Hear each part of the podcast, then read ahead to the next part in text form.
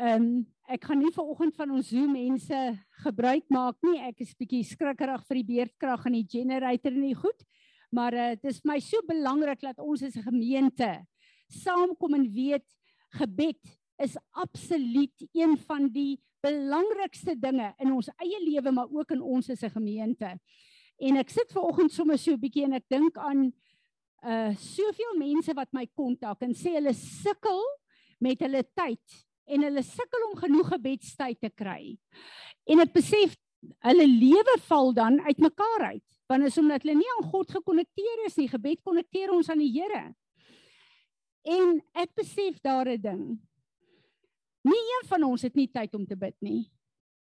Kom in 'n ongeluk. Of laat jou kind siek word of laat jy siek word. Skielik het ons genoeg tyd om te bid. Is dit nie so nie? So tyd is nie ons probleem nie. Dis ons prioriteit wat ons probleem is. En wat vir my so hartseer is, wanneer ons nie in hierdie gebedsverhouding met die Here is nie dan het die aanklaer van die broers, die duiwel, so 'n vat plek in ons lewe. En dan kom hy gewoonlik en hy sê vir ons: "Ah, sien jy jy het hierdie sonde vandag gedoen. Kyk hoe jy dit nou hier gemis. Kyk net wat het jy in hierdie groep gesê. sien jy hoe sondig jy is?" Ek wil vir jou een ding sê vir oggend. God en Jesus is nie bekommerd oor jou sonde nie. Hy het daarvoor gesterf, hy het dit oorwin. Jou sonde skei jou van God. So jou sonde het 'n effek in jou eie lewe wat negatief is. Jesus het klaar daarvoor gesterf. Daarom het ek en jy die vryheid en die voorreg en die wonderlike gawe om wanneer ons sondig te kom en te sê Here, ek is jammer, ek het dit weer gemis. Ek vra vergifnis het ons hierdie gawe van repentance wat ons die heeltyd terugbring voor God. En ons moenie daai struikelblok en daai struik intrap dat die vyand vir ons sê ons is te sondig. En dan gewoonlik gebeur dit dat jy jouself net eers bietjie skei van alles en almal totdat jy jouself weer reggemaak het en jy voel nou is jy weer goed genoeg vir die Here want jy het weer gelees en gebid. Dis 'n stryk van die vyand. Pas op daarvoor. Goed, kom ons bid vir oggend. Ons sal hierdie een mic moet gebruik. Daar sê Mariet, sal jy asseblief vir ons vir Suid-Afrika bid? Aangesien Eugene vir ons die verbondsmaal gaan doen. Baie dankie Rudolf. Dan wil ek asseblief hê jy moet vir Amerika vir ons bid. Ons het lanklaas vir Amerika gebid. En ehm uh, Elena, kan ek vir jou vra om vir Israel vir ons te bid?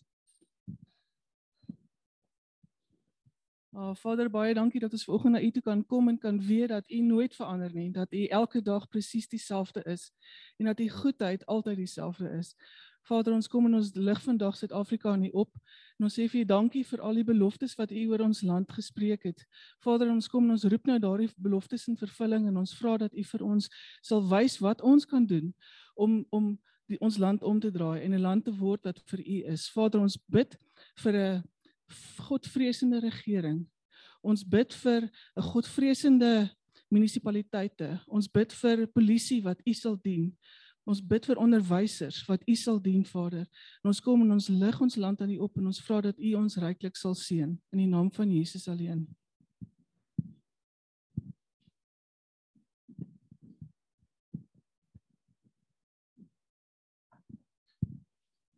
Dankie Here dat ek volgens vir Amerika voor U kan bring. Here, ons almal het baie opinies en baie denke oor wat moet gebeur in die land, Here. Vader, ek kom voor U en ek wil vir U vra, Here, dat U wil sal geskied in daai land. Here, ek wil vir U vra daar waar hulle ook nou regmaak vir uh, soos 'n aan, aanloop tot 'n verkiesing, Here, wil ek vir U vra, Here, laat dit klaar nou al sal begin draai soos wat dit U wil is, Here. Here en dit wat ons met ons oë sien wat ons is dink nie reg is nie Here. Vader, ek wil vir U vra help tog dat ons elkeen sal aanhou bid vir hulle Here en ophou praat en ophou sleg sal sê Here en dat ons op 'n punt sal kom dat ons eerder vir hulle sal bid en as die verkiesing gebeur Here dat ons dan sal sien hoe wonderbaarlik U is en hoe wonderbaarlik U goeders kan verander Here. Vir U is daar niks onmoontlik nie. Ons weet U kan elke dag nog baie wonderwerke doen en dankie dat ons hulle kan opdra aan U. Ons dra elkeen wat aan die aan die regering is daar ook op in u Here en ons weet u sal met elkeen werk Here. Ons kan net vir hulle bid. Amen. Dankie. As hy klaar is, Fanie, wil ek hê jy moet vir die boere bid asseblief.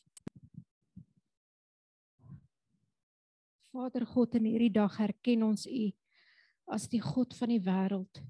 Here, maar waar U U self kom openbaar het as God van Israel, sê ons vir U dankie dat U vir ons 'n voorbeeld gestel het. Dankie Here dat ons gesien het dat Israel geseën is. Here, laat U deur dit vir ons bewys is U U was getrou en dat U ook in ons lewe en ons land vir ons getrou sal wees tensy ons U gebooie bewaar. Vader, ons sê vir U dankie vir 'n wonderwerk wat U in Israel gedoen het. Dankie Here dat Benjamin Netanyahu weer aan bewind is. Here, dit is 'n wonderwerk wat gebeur het. Maar dankie Here dat ons weet dat niks in U plan en in U pad sal staan nie. As iemand U as U iemand wil seën en gebruik, dan sal niks U verhoed nie, Vader. So ons kom in ons seën Israel.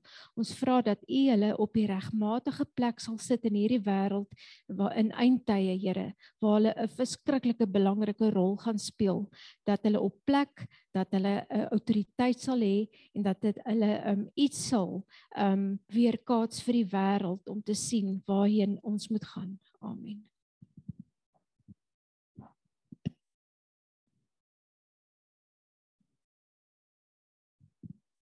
Ons groot God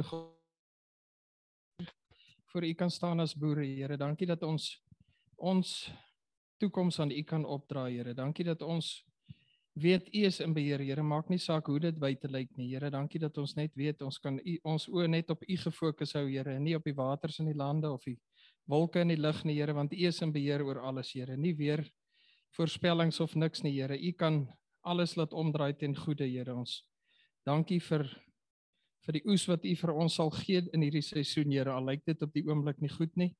Dankie vir u genade wat u oor ons uitstort. Amen. Dis my so wonderlik dit wat Fani nou bid want dit laat my dink aan 'n ruk terug het die Here vir my die woord gegee van ehm um, Isak wat in 'n jaar van hongersnood en droogte gaan saai het en hy het 'n honderdvoudige oes ingekry.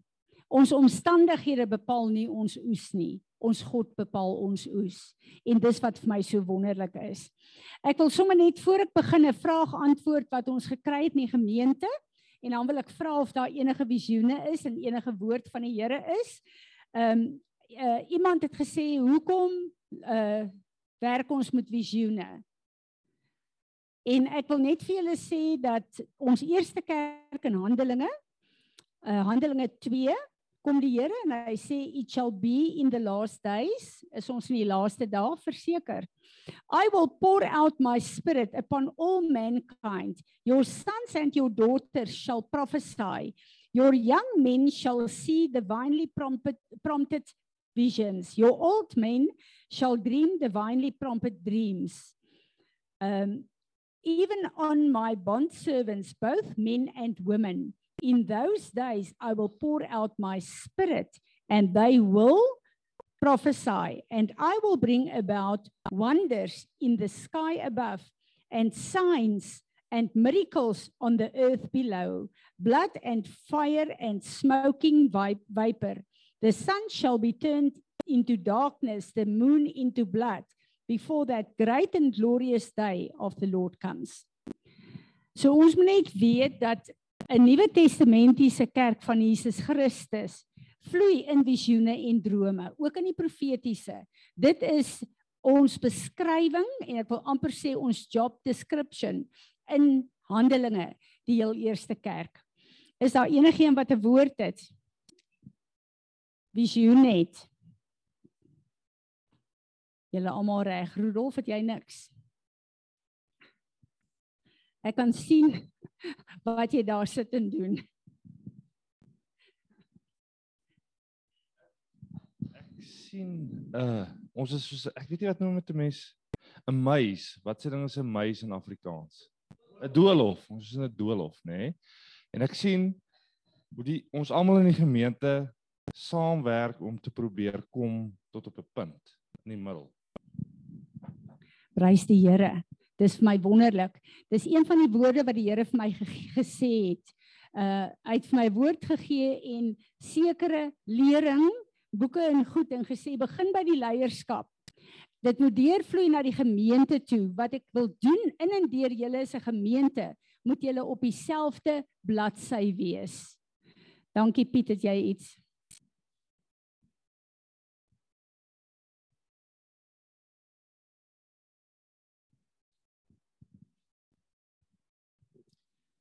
Dan in die hele oggend ek so half met jy weet wat die Here vir my ons almal se emosies wys en is amper asof ons nie die meis is maar ons emosies is jy weet oral sien want daar's hierdie klomp goed in ons wat los is want ons verstaan nie waar ons is nie ons weet nie waar ons gaan nie weet daar's dis amper of of die standvastigheid dat ons in die verlede geanker het jy weet weg is en dit maak dit ons so half bietjie in 'n um, in 'n emosionele chaos is.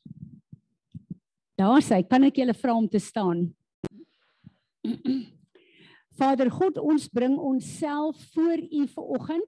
U woord in Romeine uh, 12 sê, ons is U lewende offers. Ons kom plaas onsself nou op U altaar, gees, siel en liggaam en ons wil vra Here dat U vuur sal kom en oor ons kom brand.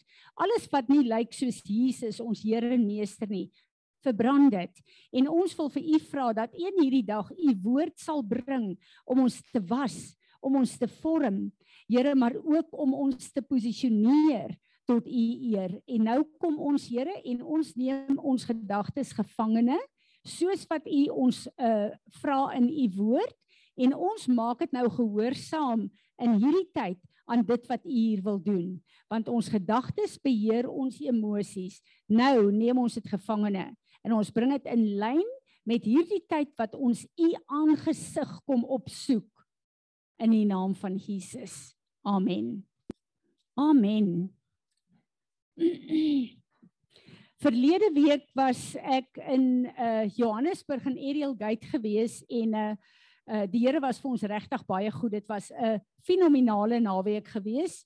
Ehm uh, waar Tanya die die uh vorige dag Tanya Stokes die vorige dag gedeel het met verwerping en met rebellie en die volgende dag het die Here vir my 'n woord gegee en ek besef dat ek hierdie selfde woord moet bring vir ons as 'n gemeente. Wat die vrees van die Here op my gebring het is donderdag aande is ek saam met Ariel Gate op 'n internasionale groep uh waar die nasies bymekaar kom en uh waar die Here sekere goed vir ons laat bid en doen en een van die siener profete wat visioene sien in Oostenryk. Uh hierdie man se naam is Hasmat. Hy is 'n Afghanistan. Ehm um, 'n man wat 3 jaar terug tot bekering gekom het en hulle is deel Oostenryk van Ariel Gate. Maar uh, die Here werk regtig op 'n wonderlike manier met hom uh deur visioene. En donderdag aand toe dit wat die Here vir hom wys, toe hy dit begin, toe kom die vrees van die Here oor my want dis hierdie woord, presiese woord en ek het besef hierdie is nie sommer net 'n visioen nie. Iemand skakel nie in op 'n woord wat die Here my gegee het wat ek moet release in Ariel Gate nê. En ehm um, ek het besef donderdag aan dat dit is die woord. Ek het eers gedink hierdie is die woord wat die Here vir my gee net vir ons as gemeente. Maar toe besef ek dis die woord wat die Here wil hê ek moet daar release.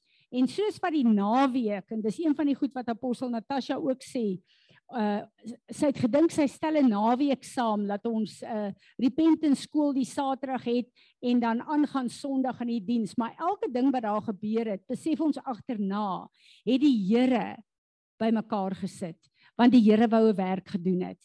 En alles het net eenvoudig mooi ingepas. So ek wil graag hierdie woord vir oggend hier by ons ook release want ek besef dat uh uh hierdie impartation dit wat die Here gedoen het in ons dae uh wil ek graag hê in ons eie huis ook. Uh ek wil voordat ek na die woord toe gaan wil ek vir julle sê ons het donderdag aand het ons die afsluiting gehad van die skool, die uh prysuitdeling van die skool. En ek wil julle as 'n gemeente nooi. Uh, ek onthou toe ek die oggendgroep intercessors vat, het baie vir my gesê, maar hulle het gedink hierdie is sommer net 'n klein skooltjie. Hulle het nie geweet dis 'n volwaardige skool met soveel onderwyseresse en soveel kinders nie.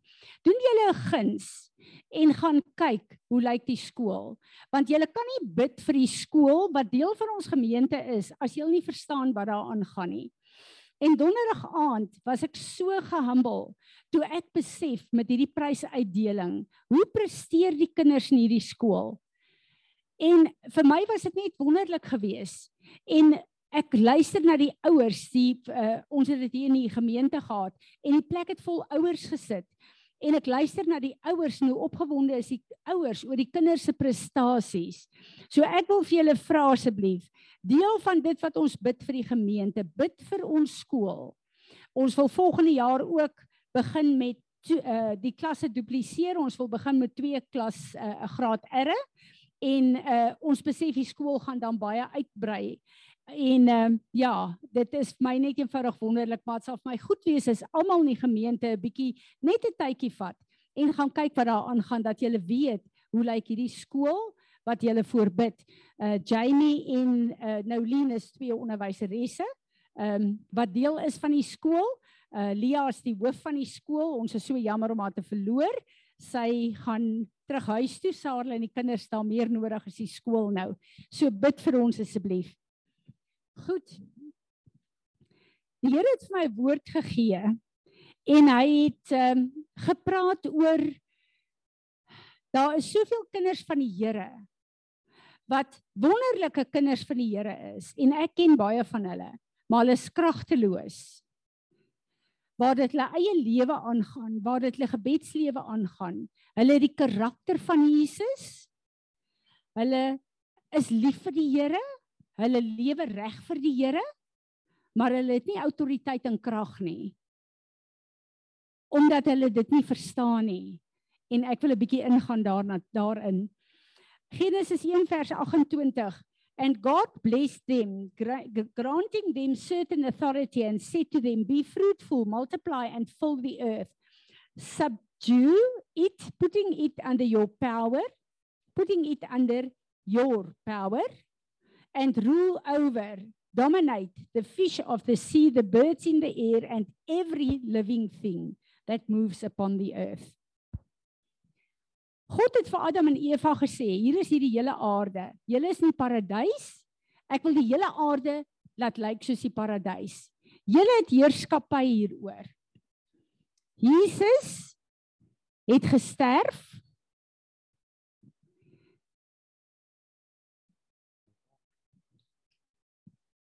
Die woord sê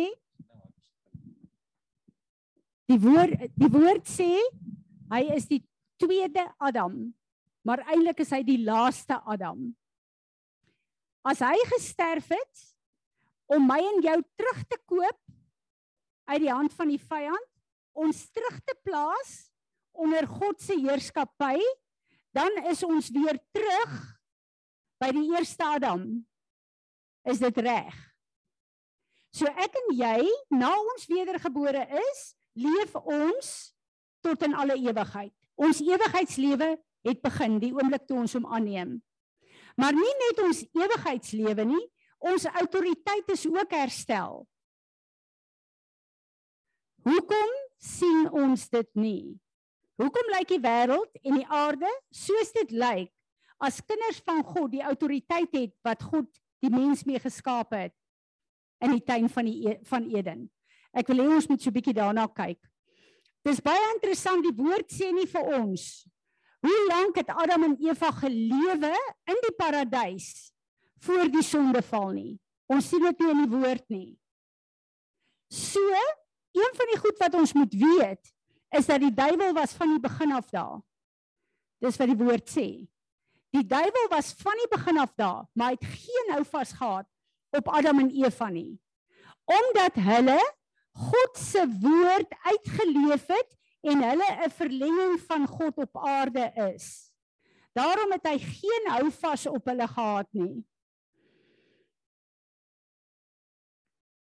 Dis my interessant toe God uit Abraham, Isak en Jakob uit Israel as sy volk uitgekies het, het hy 'n baie belangrike ding daagliks in hulle lewe ingestel. Hy het gekom en hy het vir hulle die Shema gegee. Wat beteken dit? Dis wat jy elke dag mee moet begin. Listen carefully for recognize when you hear, value highly, pay close attention, receive as divine empowerment, meditate on and confirm inward thought and word as well as outward action to divine message. Israel Mishama wat beteken luister, hoor en doen wat ek julle sê om te doen. En ek besef dat 'n groot gedeelte van die kerk van Jesus Christus ken die woord baie goed. Ons kan die skrif quoteer. Maar ons doen nie dit wat die woord van God vir ons sê nie. Jakobus 1 vers 22 tot 25. But prove yourselves doers of the word, actively and continually obeying God's precepts, and not merely listeners who hear the word but fail to internalize its meaning, deluding yourselves by unsound sound reasoning, contrary to the truth. For if anyone only listens to the word without obeying it, he is like a man who looks very carefully at his own natural face in a mirror. For once he has looked at himself and gone away, he immediately forgets what he looked like. But he who looks carefully into the perfect law, the law of liberty, and faithfully abides by it, not having become a careless listener who forgets, but an active doer who obeys, he will be blessed and favored by God in what he does in his life of obedience. Jakobus sê, ek en jy as kinders van God behoort 'n getuienis te hê in elke opsig in ons lewe dat ek geseënd is, bevoordeel is deur God en dat ek God se guns op my lewe het. Dis die woord wat ek en jy as kinders van die Here moet dra. Maar omdat ons net luister na die woord en nie die woord doen nie. Dit wil sê ons laat nie hierdie internalize, ons laat nie die woord deel raak van ons lewens nie. Plaas ons op 'n plek, 'n bietjie verder in Jakobus sê hy, ons lyk goed. Ons klink goed, maar ons soos a, ons is soos 'n brander wat kom en dan breek hy uit op die see, uh, sand en hy kom tot niks nie. En ek besef julle, Dit het baie te doen met hierdie 5 maag, die uh, eh, 10 maagde wat die Here die afgelope tyd met ons mee deel. Is almal kinders van die Here. Maar 5 van hulle maak dit nie. En 5 van hulle maak dit. En ek besef die Here is besig om ons te leer en te wys wat is daar wat fout is in elke een van ons se lewe wat ons diskwalifiseer. Ek wil teruggaan na Adam en Eva toe.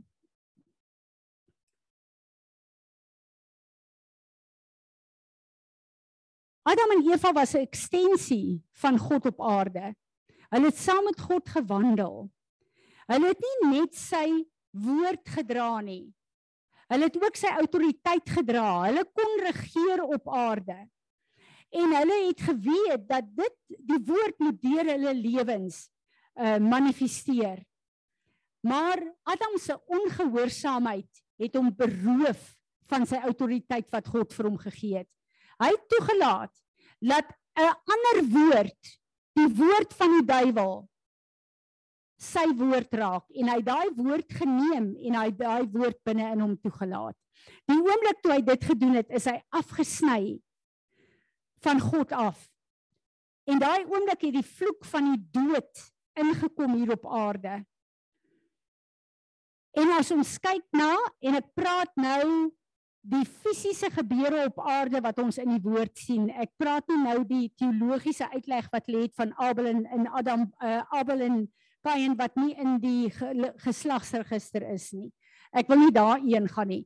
Die fisiese gebeure op aarde. Abel was Adam se eerstgeborene.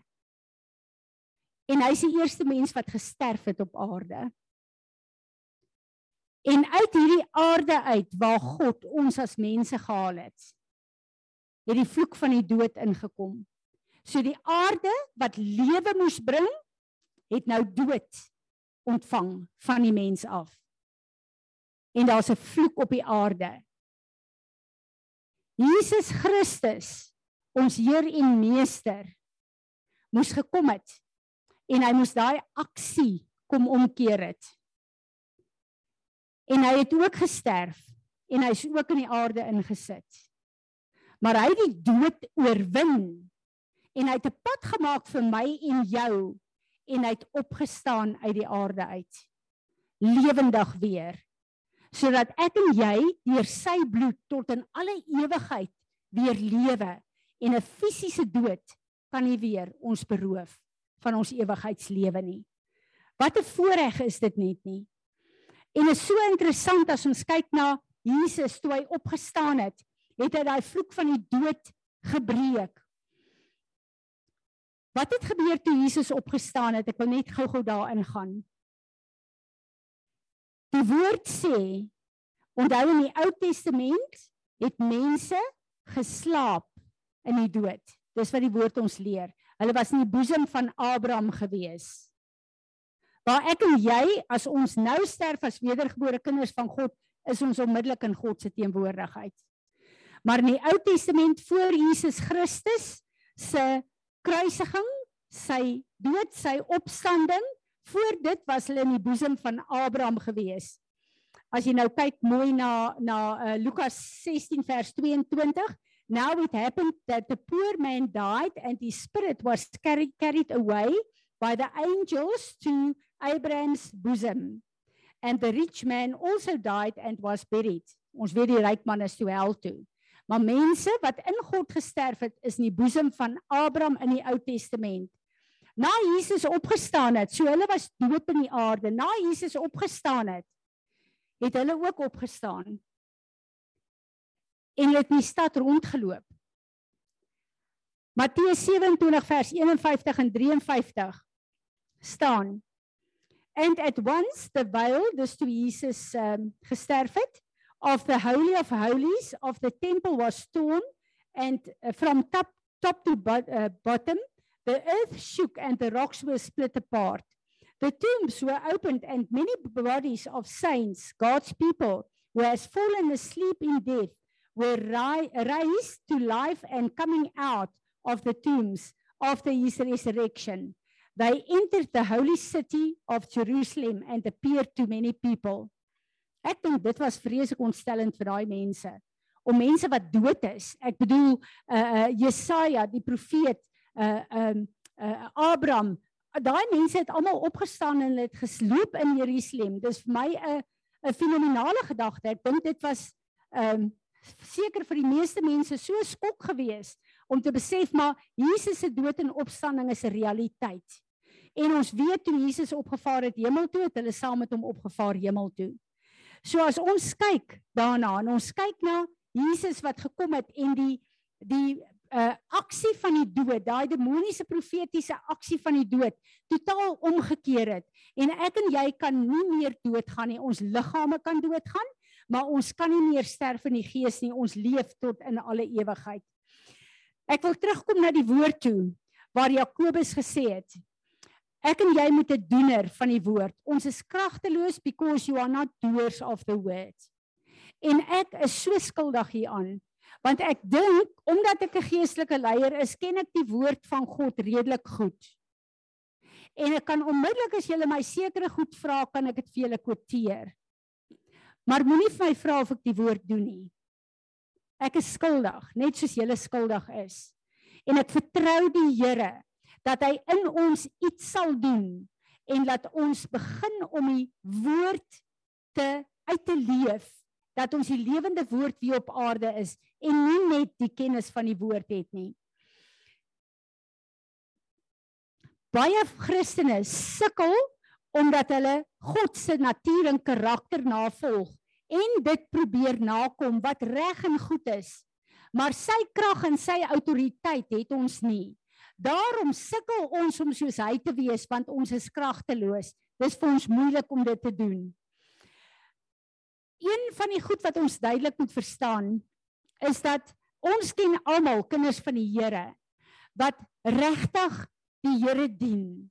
Maar daar is sekere plekke in hulle lewe waar hulle nog nie deurgebreek het in die kragtige werking van die Heilige Gees en die doping van die Heilige Gees nie. Romeine 10 vers 9. Wanneer is ek en jy wedergebore?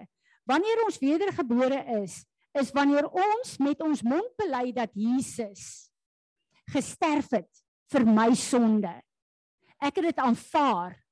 Ek is wedergebore, ek glo om ek's 'n kind van God. Daai oomblik is jy gered. Dan gaan jy hemel toe. Die woord sê die oomblik as jy dit glo en dit bely, gaan jy hemel toe. Nie as jy gedoop is, as jy gedoop is met die Heilige Gees, as jy dis alles goed wat bygevoeg moet word om ons in die autoriteit en die krag van Jesus Christus te laat lewe. Maar daar's baie kinders van die Here wat opreg is, wat sit in kerke wat nie glo in die doop of in die doping van die Heilige Gees nie. Maar hulle is op pad hemel toe. Maar daar's baie goed hier op aarde wat hulle nie gaan kan doen nie. So hulle getuienis van God vir God is nie wat dit moet wees nie. Ek het Sondag 'n bietjie geraak aan die doop. En ek het net eenvoudig besef dat ek het 'n paar goed uh aangeraak wat ek al gedoen het hier by ons, maar ek wil dit weer doen. Want ek het dit gedoen, maar ek het besef ons het geluister daarna, maar ons is nie doeners van dit nie. So dit wat ver oggend wat die Here ver oggend vir ons sê, is goed wat die Here vir ons gee om daagliks te doen. En ek wil vir julle uitdaag soos wat ek aangaan met hierdie lering. Vandat ek dit daagliks begin doen. Ek en Johan daagliks die verbondtekens doen. Ek daagliks die ramshoring blaas. Is daar 'n verskillende verandering in my lewe, in my verhouding met die Here en ook in my en Johan se verhouding. So hier is goed wat ons ken, maar as ons dit nie doen nie, het dit nie die krag wat God ons geroep het nie. Matteus 3 vers 16. Ek wil vir julle sê ek het nog nooit besef toe Jesus gedoop is en die Heilige Gees op hom gekom het het weerlig hom getref. Ek het dit nooit voorheen gelees nie. En ek besef wat 'n kragtige kragtige wapen en aksie is ons doop. After Jesus was baptized, he came up immediately out of the water, and behold, the heavens were opened. And he, John, saw the Spirit of God descending as a dove and lightning on him, on Jesus. En uh ek weet nou nie wat sy ou se naam nie, maar sy van is Ficus, Michael Ficus, het 'n boek geskryf oor the lightning of God. En Natasha het vir ons verlede Sondag geskryf uit daai boek uit en ek besef dis presies wat hier gebeur het met Jesus toe hy gedoop is. Nou hy is die weg, die waarheid en die lewe. Dit wil sê hierdie het ek en jy ook deurgegaan. Maar die krag van daai weerlig manifesteer nie in ons lewens nie. En ek wil 'n bietjie verder gaan daarmee. Die woord lightning beteken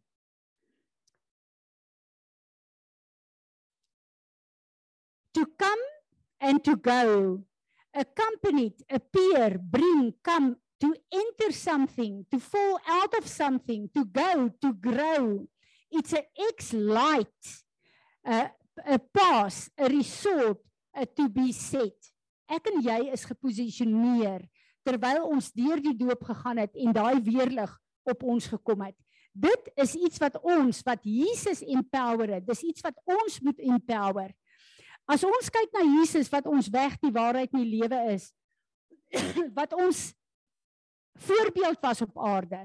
En ek het dit laas keer gesê, ek wil dit weer sê. Voor sy doop, voor Jesus se doop, het hy geen kragtekens gehad nie. Hy het geen wonderteke wonderwerke gehad nie. Hy het geen autoriteit kon uitoefen op aarde nie. Is dit nie amazing nie? Met sy doop is hy bekragtig met die autoriteit om te doen wat hy gedoen het. Na sy doop is hy dadelik in die woestyn ingelei. En ek wil volgende week wil ek bietjie praat oor die drie goed wat die vyand daarmee versoek het. Hy's dadelik daar ingelei. Hy het dadelik 'n konfrontasie met sy disipel met sy met die vyand gehad. Maar hy het die autoriteit en die krag ontvang met sy doop waarmee hy sy disippels toe ook geleer het. Die disippels het saam met hom gelewe uit hulle geleer maar toe hy hulle moes uitstuur hulle het gesien al die wonderwerke al die tekens al die goed wat hy gedoen het. Maar toe hy hulle moes uitstuur toe moes hy sy sy autoriteit vir hulle gee. Want hulle het nie autoriteit gehad nie. Dit was nogal vir my 'n verbasing geweest Jesus summoned Matteus 12 uh, 10 vers 1 his 12 disciples and he gave them authority and power over unclean spirits to cast them out to heal every kind of disease and every kind of sickness. Hulle het gewerk met die autoriteit wat Jesus vir hulle gegee het want hulle het nog nie hulle eie autoriteit gehad nie omdat hulle nog nie wedergebore was nie. Dis deur jou wedergeboorte dat jy die gees van God kry, dat jy met die doping van die Heilige Gees bekragtig word. Daarom is dit so belangrik dat ons die Here sal aanneem, Jesus sal aanneem en dan gedoop word dat ons die volle proses deurgaan om die autoriteit te hê op aarde wat Jesus wil hê ons moet hê en wat ons nodig het vir dit wat die Here ons geroep het. Na die opstanding van Jesus het hy aan sy disippels verskyn. En 'n belangrike ding het daar gebeur. Onthou hulle het saam met hom gelewe, maar hulle was nog nie wedergebore nie, want Jesus het tog nie gesterf nie. Die woord sê, hy het voor hulle gestaan en oor hulle geblaas en gesê, "Ontvang my gees." En dit was hulle wedergeboorte. Maar dit het hulle nie bekragtig nie. Toe sê hy vir hulle Lukas 24 vers 39 Listen carefully. I'm sending the promise of my Father, the Holy Spirit, upon you. But you are to remain in the city of Jerusalem until you are clothed, fully equipped with power from high. Ons het hierdie autoriteit nodig. Wat die eerste disippels ook gekry het met die doping van die Heilige Gees. Hulle moes wag vir daai impartation, die bekragting, die doping van die Heilige Gees. En in die Nuwe Testament sê daar, daar het vier tonge op hulle kom sit. Dit was letterlik 'n doping met vuur, 'n bekragtiging van die Heilige Gees. En wat so hartseer is, is 'n groot gedeelte van die kerk van Jesus Christus is wonderlike mense, lief vir die Here. Prys die Here, ons gaan hemel toe maar hulle is kragteloos. Hulle weet nie hoe om te bid in hulle eie lewe nie. Hulle weet nie wat is die krag, die wapens, die instrumente wat die Here vir ons gegee het om mee te lewe en om die vyand mee te verwoes nie. Ek lees 'n gedeelte van Francis van Japan. The need of war. Truly I am for peace, but I recognize that I cannot have peace unless I am first trained for war. Ons kan nie vrede hê as ons nie eers die oorlog gewen het nie, want hier's 'n vyand wat ons nie gaan uitlos hier op aarde nie. Indeed, it was during during the times of warfare, of struggle and battle when I have grown the most in courage, in faith, in sacrifice, in love The battle stretched me beyond the boundaries of my spirituality. Yes, when I was fighting for my family, my church, or my community, it was the fight itself that defined and established my spiritual growth. Ons as kinders van die Here het 'n gewoonte om al ons probleme weg te bid, uit die pad uit te kry. Ons wil nie deur probleme gaan nie. Maar dis die probleme wat ek en jy in die oë moet kyk, God moet vasgryp, die wapens wat hy vir ons gee gebruik en vir hom sê Here, vat my hierdeur. Want Romeine 16 vers 20 sê, soon I will crush Satan under your feet. Ek moet geleer word hoe om hierdie oorlog te voer. Die oorlog gaan nie verdwyn nie. Maar ek en jy het 'n keuse. Ons kan die wapens van die woord vat, die autoriteit van Jesus vat en die oorwinning manifesteer elke keer as die vyand dink hy val ons aan. En dis wat ek en jy moet verstaan. Ons kan nie net alles uit die pad uitvee nie. Wat van Psalm 23? Wat sê die Here vir Dawid? Ek dek 'n tafel voor jou aangesig teenoor jou teestanders. Ek en jy is op aarde in 'n oorlog of ons dit wil weet of nie, maar ons bepaal die oorwinning in Jesus Christus. En op Golgotha het hy alles oorwin. Hy het alles oorwin. Daar's niks wat teen my en jou kan kom wat hy nie afgehandel en oorwin het nie. In hierdie plek waar die Here met my praat en weer met my praat oor die tekens wat hy vir ons gegee het, herinner hy my toe ek wedergebore is, het ek 'n vreeslike opgewondenheid gehad oor die woord. En hy het my herinner voor my man en ek het Johan se toestemming hier uh, hiervoor. Voor my man wedergebore was, het ek kinderlik gekom en ek het hierdie tekens van die salfolie het ek geneem Ek het Johan se skoene gesalf. Ek het sy kop gesalf, sy kopkussing gesalf en verklaar daar. Die woord van die Here sê jy sal goddelike drome hê. Jou kussing sal hierdie kop raak. En dit sal nie die die drank wees wat jy gedrink het wat jou drome gaan vul nie. Dit sal die woord van God wees wat jou jou drome sal vul. Ek het onder sy skoene geskryf verlossing, bevryding, verlossing, bevryding. Ek het tekens gevat wat die woord van die Here vir my gesê het. Ek het die ramshoring oor hom geblaas. Ek het soveel goed het ek gedoen oor Johan en die kinders. Die intercessors destyds, ek dink Willa was nog deel daarvan, het ek by 'n 'n 'n 'n plek 'n klomp van hierdie strand opblaas plastiek balle gekoop wat die wêreldkaart aangehaat het. Dan het ons dit gevat en dan het ons gesing the spirit of God is moving all over the world. Dan het ons gebid vir die nasies. Ek het kaarte op die vloer uitgegooi. Ons het op die blande geloop en gesê, ons neem grondgebied vir die Here aan. Ons het en daai kinderlike opgewondenheid het soveel goed in ons ge, gevestig. Ons geloof so gebou. Ons geloof so gebou en ek besef net dat ons, dis hoekom die Here sê ons moet soos kinders word. Ons moet die goed wat hy vir ons gee doen, want ons het nodig om 'n kontakpunt te hê vir baie van die goed wat hy vir ons sê om te doen. Dit voel vir my daar's 'n plek waar ons sekere goederes verloor wat ons weer moet terugvat. Ek wil vir julle sê die sleutels van die koninkryk wat die Here vir ons gegee het. Toe hy vir Petrus gevra het, Petrus, wie sê jy is ek? Toe sê Petrus vir hom,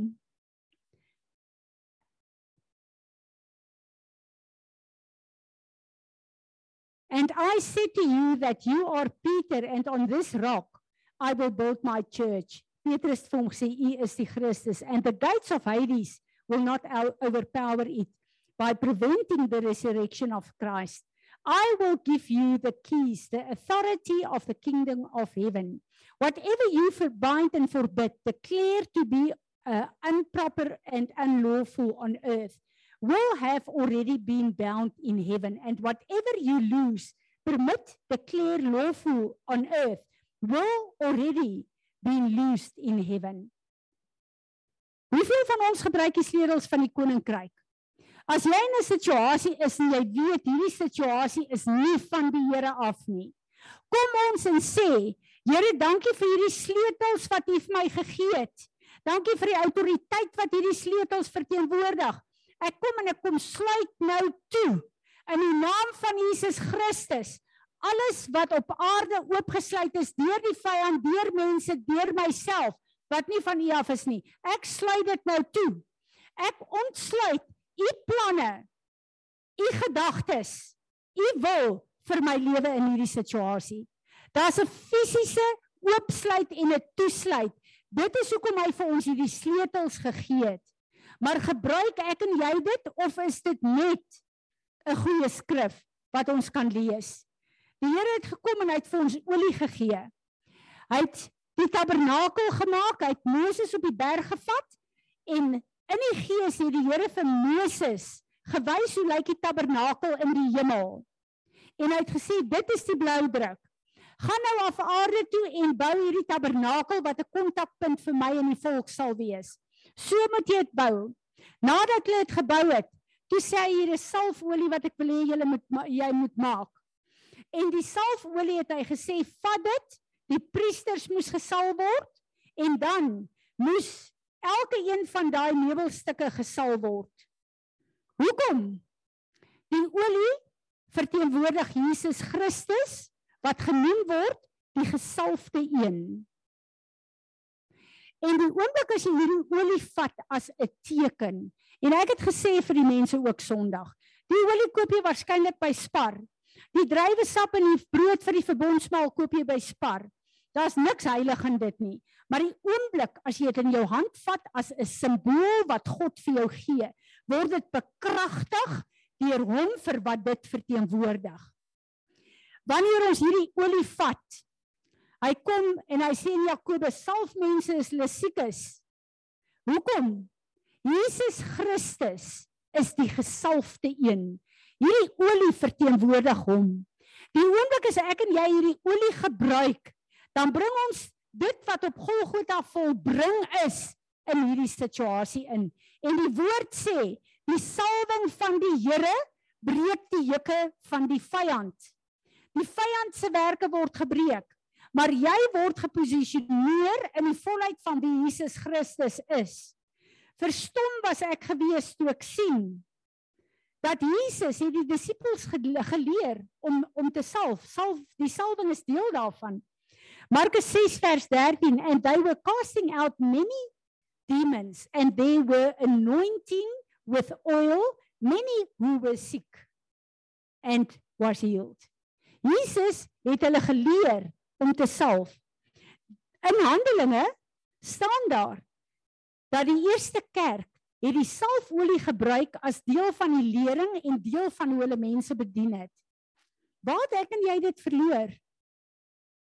Ons het hierdie simbole nodig om ons te bekragtig in die autoriteit van Jesus Christus. Dis sy keuse dat dit is wat ons op aarde moet doen. As dit is wat hy kies, dan wil ek dit doen. Maar weet julle, ons is nie so groot gemaak nie. Ons het dit nooit geleer nie. En die Here is besig om 'n remnant terug te roep. 'n Entiteit remnant wat met sy autoriteit en krag gaan werk hier op aarde. Dis vir my baie baie interessant dat hulle moes elke meubelstuk van die tabernakel salf. Hoekom? Die patroon is in die hemel, die oorspronklike is in die hemel op aarde. Hierdie olie wat Jesus verteenwoordig. Jesus Christus het aarde en hemel bymekaar gebring. En daarom is hierdie salfolie 'n kragtige manifestasie van alles wie Jesus vir ons verteenwoordig. Dis my interessant toe ek gaan lees in die woord. Weet julle Daniël toe hy in 'n vas ingegaan het. Toe staan daar hy het niks geëet nie en hy het hom weerhou van kos en hy het ook uh hom weerhou om hom te salf elke dag. En dan kyk ek na Matteus 6 waar Jesus vir ons leer van gebed en van vas en van uh giving. Kom hy en hy sê but when you fast anoint your head and wash your face. Esther en koning Dawid het hulle self elke dag gesalf. Hoekom? Want hulle het geweet wat hierdie olie verteenwoordig. Ek wil vir julle sê van dat die Here vir my opnuut weer die openbaring gegee het elke dag salf ek my en ek vertrou die Here. Ek sê Here, U sê van die hoof sal dit afloop tot op die soem en ek bid dat elke persoon in Peres aangeraak sal word hierdeur. Die shofar was my so lekker geweest terwyl ek hierdie tekens die eerste keer by die oggendgroep gedoen het. Toe kom Helleny na vore en sê, "Maar wat van die ramshoring?" God het die eerste ramshoring geblaas by die berg Sinaï. Hierdie ramshoring beteken die krag en autoriteit van ons God deur die lam wat geslag het om hierdie horing te hê hierdie klank te maak deur die kragwerking van die Heilige Gees, die wind wat daar uitkom.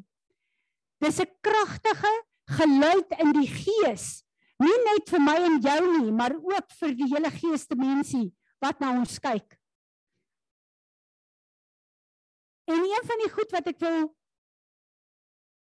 net aanraak want Eugene gaan vir ons die verbondsmaal doen. Hierdie verbondstekens Elke keer as ek en jy dit gebruik en die woord sê so dikwels moontlik wat beteken elke dag as jy gaan kyk na daai uh, woord in die Hebreëus. Die oomblik as ek en jy dit doen dan verkondig ons die hele evangelie vir elke principality and power. En ek en jy is deel van daardie evangelie.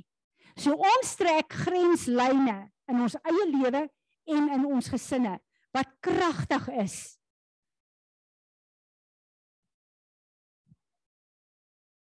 Ek wil vir julle sê ek is op 'n plek waar ek vir die Here gesê het hierdie tekens wat hy vir ons gegee het. In die heel eerste plek is elkeen van ons al gedoop. Dis 'n kragtige herposisionering van wie jy is hier op aarde. Ek en jy het die sleutels van die koninkryk. Kom ons gebruik dit. Ek en jy het die ramshoring. Kom ons blaas dit. Ek en jy het die verbondstekens. Kom ons gebruik dit. Want weet julle wat kom ek agter? Daar's te veel van Fransie van Wyk in my verhouding met God.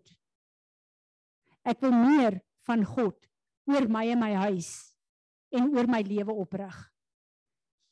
Ek wil hê julle moet staan.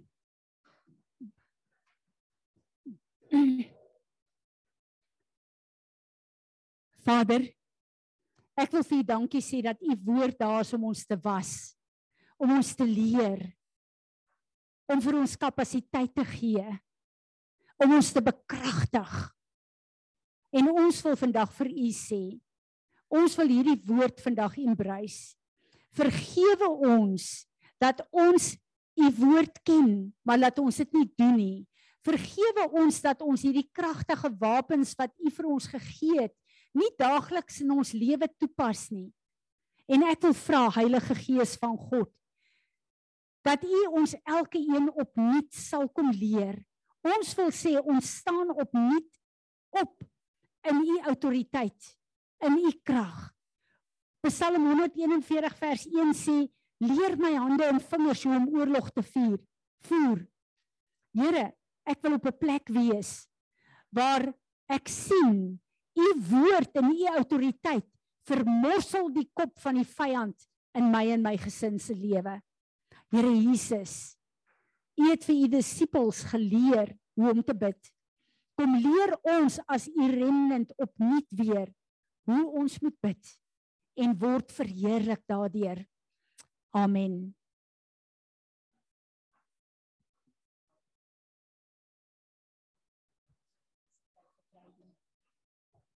Is daar enigiemand van julle wat 'n woord het? Dankie Helenay.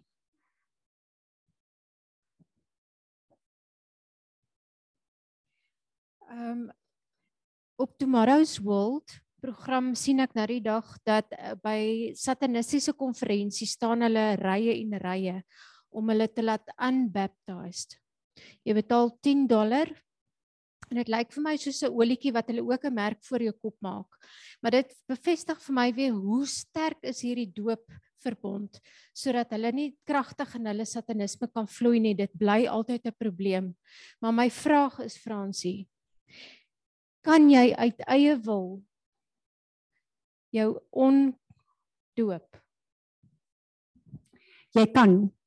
Alles gaan oor die mens en oor sy wil en oor sy keuse en as ons kyk na ehm um, Galasiërs 5 vers 19 die vrug van die van die vlees dan staan daar as ek en jy is kinders van God Ons moet een ding mooi weet. Ons almal wat hier sit Sondag, as een van julle nie Sondag nie, dan gaan ek julle in repentance lei. Ons is aan sonde uh blootgestel hier op aarde en ongelukkig Sondag ons nog steeds. En hoe meer jy dink jy gaan nie weer Sondag nie, hoe meer besef jy ek het die Here nodig. Natuurlik laat ons toelaat hy heiligmaking doen. Maar daar sê daai woord, as jy praktiseer om in 'n sonde te lewe, jy kies dit met jou wil, dan letterlik draai jy weg van God af want daar staan jy gaan die koninkryk van God nie sien nie. Ek wil ietsie noem wat Elena sê jare terug hier's 'n baie sterk sataniese Calvin in Klerksdorp. Is daar 'n hoë priester wat hy het in die kerk seer gekry.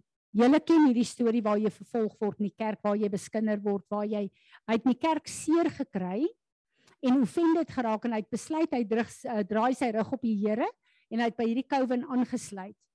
En hy het ek wil nie sê nou al die rituele noem nie, maar bloed gedrink en al die goed gedoen en hy kon nie in die gees rank kry nie. En hy dis nie 'n hoëpriester gewees nie, is iemand wat uh, 'n hoëpriester wou word. En hy gaan na die hoëpriester van daai Calvin toe en hy sê, "Maar hy doen alles, maar hy kan nie deurbreek nie." Die hoëpriester het hom so gekyk en gesê, "Jy's gedoop. Jy kan nie in hierdie goed ingroei nie."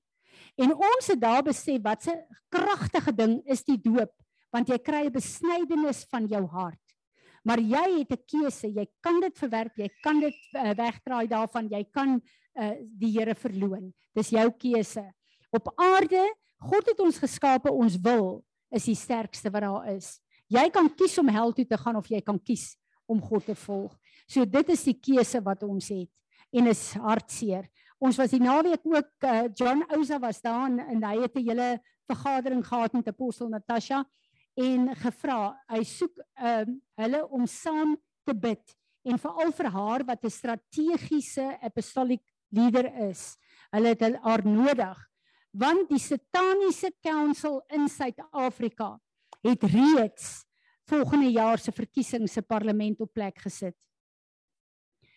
En ons as kerk van Jesus Christus word opgeroep want ek staan nie vir 'n sataniese regering nie. Amen. Ons staan nie daarvoor nie en ons as die kerk van Jesus Christus sal ons tyd moet uitkoop en onsself moet gee in hierdie land om te sê Here, ons weier. Ons het u krag en u autoriteit. Die regering wat u oor aan hierdie land wil hê, is wat op plek moet kom. Amen. Nog iemand wat iets wil sê? Tanya? Eugene, jy kan so lank vorentoe kom.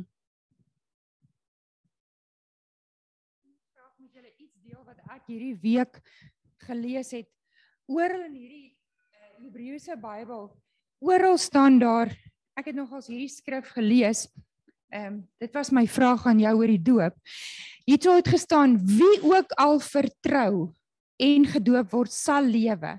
Maar hy wat nie vertrou nie sal veroordeel word. En hierdie teken sal die vergesel wat vertrou En dan staan daar nou in my karakter en autoriteit sal hulle demone uitdryf met tale praat, slange en alles sal iets giftig drink en dit sal hulle geen doen nie. Hulle sal die hande op lê en hulle sal gesond word.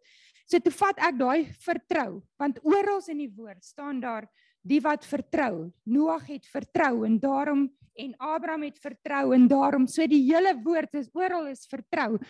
Toe gaan lees ek en ek lees toe vertrou beteken rely on you put your trust, you place your trust in, depend on, count on. Faith beteken in strong confidence wat jy dan vou. Imuna, a life of full reliance upon him. So convinced of something beteken to believe in, a state of mind in which trust and confidence is placed in. En alles kom weer terug op die wat vertrou. En toe dink ek, waar het ons ons vertroue so in plekke verloor? En wat het ons ons ons confidence geplaas in ons en dis wat jy gesê het minder minder ons meer God want ons confidence en ons trust is op hom.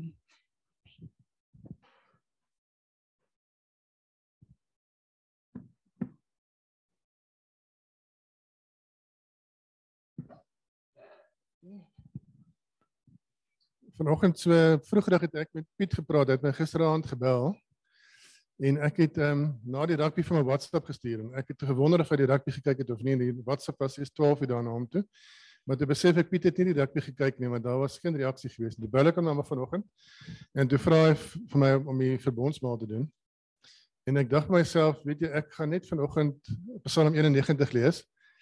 En dit was toe vir my baie interessant dat ehm um, weet dat niks gebeur toevallig nie. En toe dit nou by my vandag opkom ek met Psalm 91 lees te besef ek nou maar vandag toe ek nou Fransie se se boodskap luister dat dit is nou presies die regte ehm um, Psalm vandag om te lees. So Whoever dwells in the shelter of the, of the Most High will rest in the shadow of the Almighty. I will, I will say of the Lord, He is my refuge and my fortress, my God in whom I trust. Surely he will save you from the fowler's snare and from the dead, deadly pestilence. He will cover you with his feathers, and under his wings you will find refuge.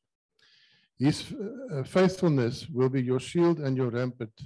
You will not fear the terror of night, nor the arrow that flies by day, nor the pestilence that stalks in the darkness, nor the plague that destroys at midday. A thousand may fall at your side, ten thousand at your right hand, but it will not come near you. You will only observe your eyes and see the punishment of the wicked. If you say, Lord, my refuge, and you make the Most High your dwelling, no harm will overtake you, no disaster will come near your tent. For he will command his angels concerning you to guard you with all, the, all the, your ways. They will lift you up in their hands so that you will not strike your foot against a stone. You will, you will treat, you will tread on the lion and the cobra. You will trample the great lion and the serpent.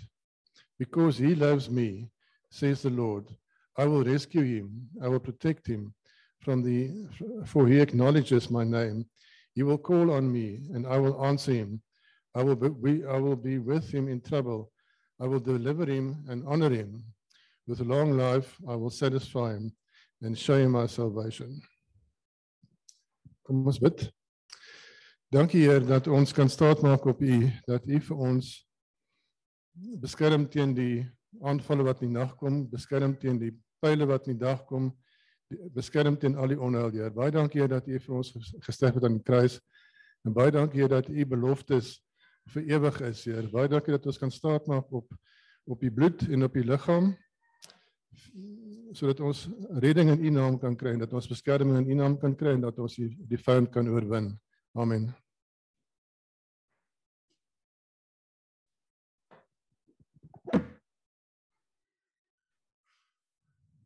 Amen. Hulle sê vir 'n interessante ding dat ek dit net gou antwoord. Iemand het vir gevra, "Hoekom is ons skool Ariel Gate Christian Academy in ons Esperes?" Uh toe ons die name geregistreer vir die skool 9 jaar terug, toe staan reeds 'n PRS skool. En uh toe het ek vir Natasha gevra kan ons dit Ariel Gate maak en sy het ja gesê. So dis hoekom die skool nie 'n PRS skool is nie, maar dit is 'n PRS skool.